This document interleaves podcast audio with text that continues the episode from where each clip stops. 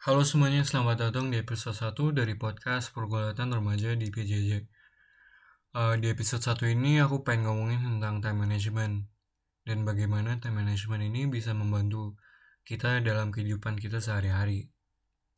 Apa sih itu time management?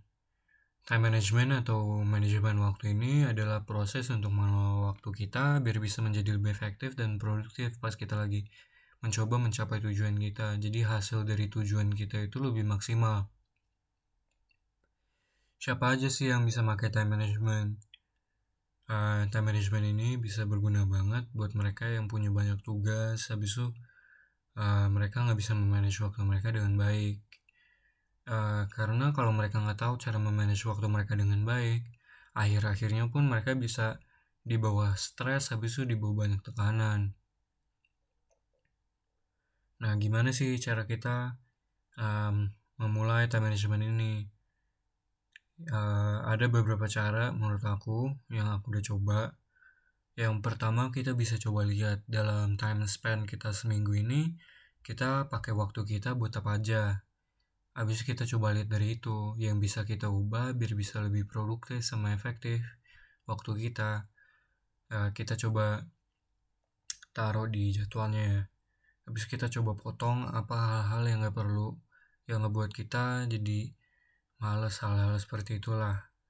Yang kedua kita bisa coba tahu apa yang harus kita kerjain sama prioritasin. Soalnya kalau kita udah tahu uh, cara memanage waktu kita tapi kita nggak tahu apa yang harus kita uh, apa kerjain akhir-akhirnya pun um, pekerjaan kita nggak maksimal sama waktu kita nggak terpakai dengan baik gara-gara uh, kita bakal akhirnya mencoba cari tahu uh, apa yang harus kita kerjain dan bagaimana cara mengerjakannya. Yang ketiga, kita juga harus tahu apa yang harus kita lakuin dan tahu kapan kita harus berhenti uh, dan mengambil waktu untuk hal lain. Uh, contoh, uh, kita punya jadwal sejam buat ngerjain sesuatu. Kita juga harus berhenti pada akhir waktu itu juga pas sudah selesai satu jam itu kita harus coba istirahat biar nanti di pekerjaan selanjutnya kita bisa lebih efektif lagi. Soalnya istirahat pun penting buat pekerjaan lain biar lebih maksimal.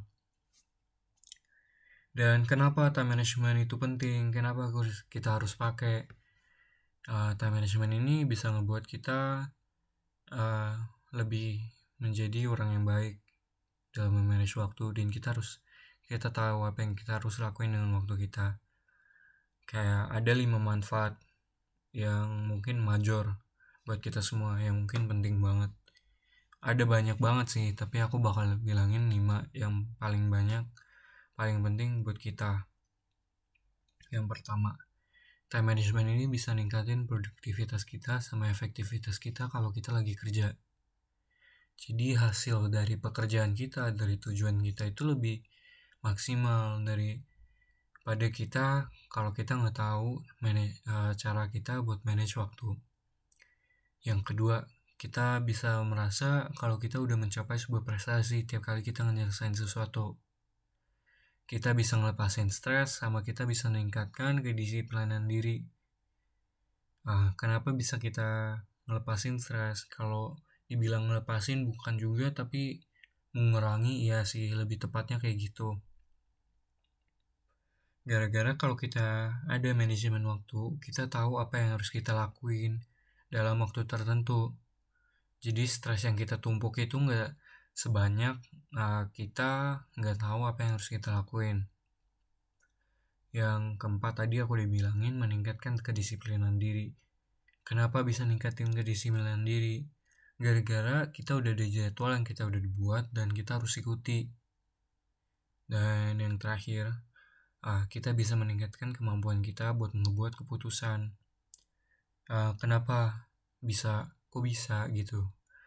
Uh, contoh misalkan minggu depan pada hari Senin uh, kita ada istirahat atau free time uh, 2 jam dan kalau kita pakai buat main handphone doang kan nanti merasa uh, gak produktif gitu kan waktu yang kita pakai.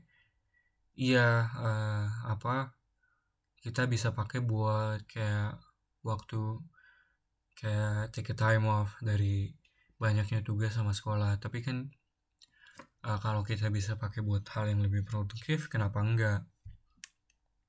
Jadi itu bisa ngajarin kita buat uh, apa memakai keputusan kita dengan lebih baik.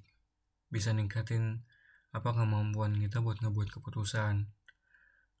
Uh, dan itu doang. Dan hal yang terakhir yang mungkin pengen aku sampaikan itu kalau kalian emang pengen ngemulai time management ini kalian harus benar-benar disiplin uh, akan waktu sama jadwal yang kalian udah buat. Soalnya kalau kalian udah mulai time management habis kalian berhenti halfway atau setengah jalan itu bakal percuma.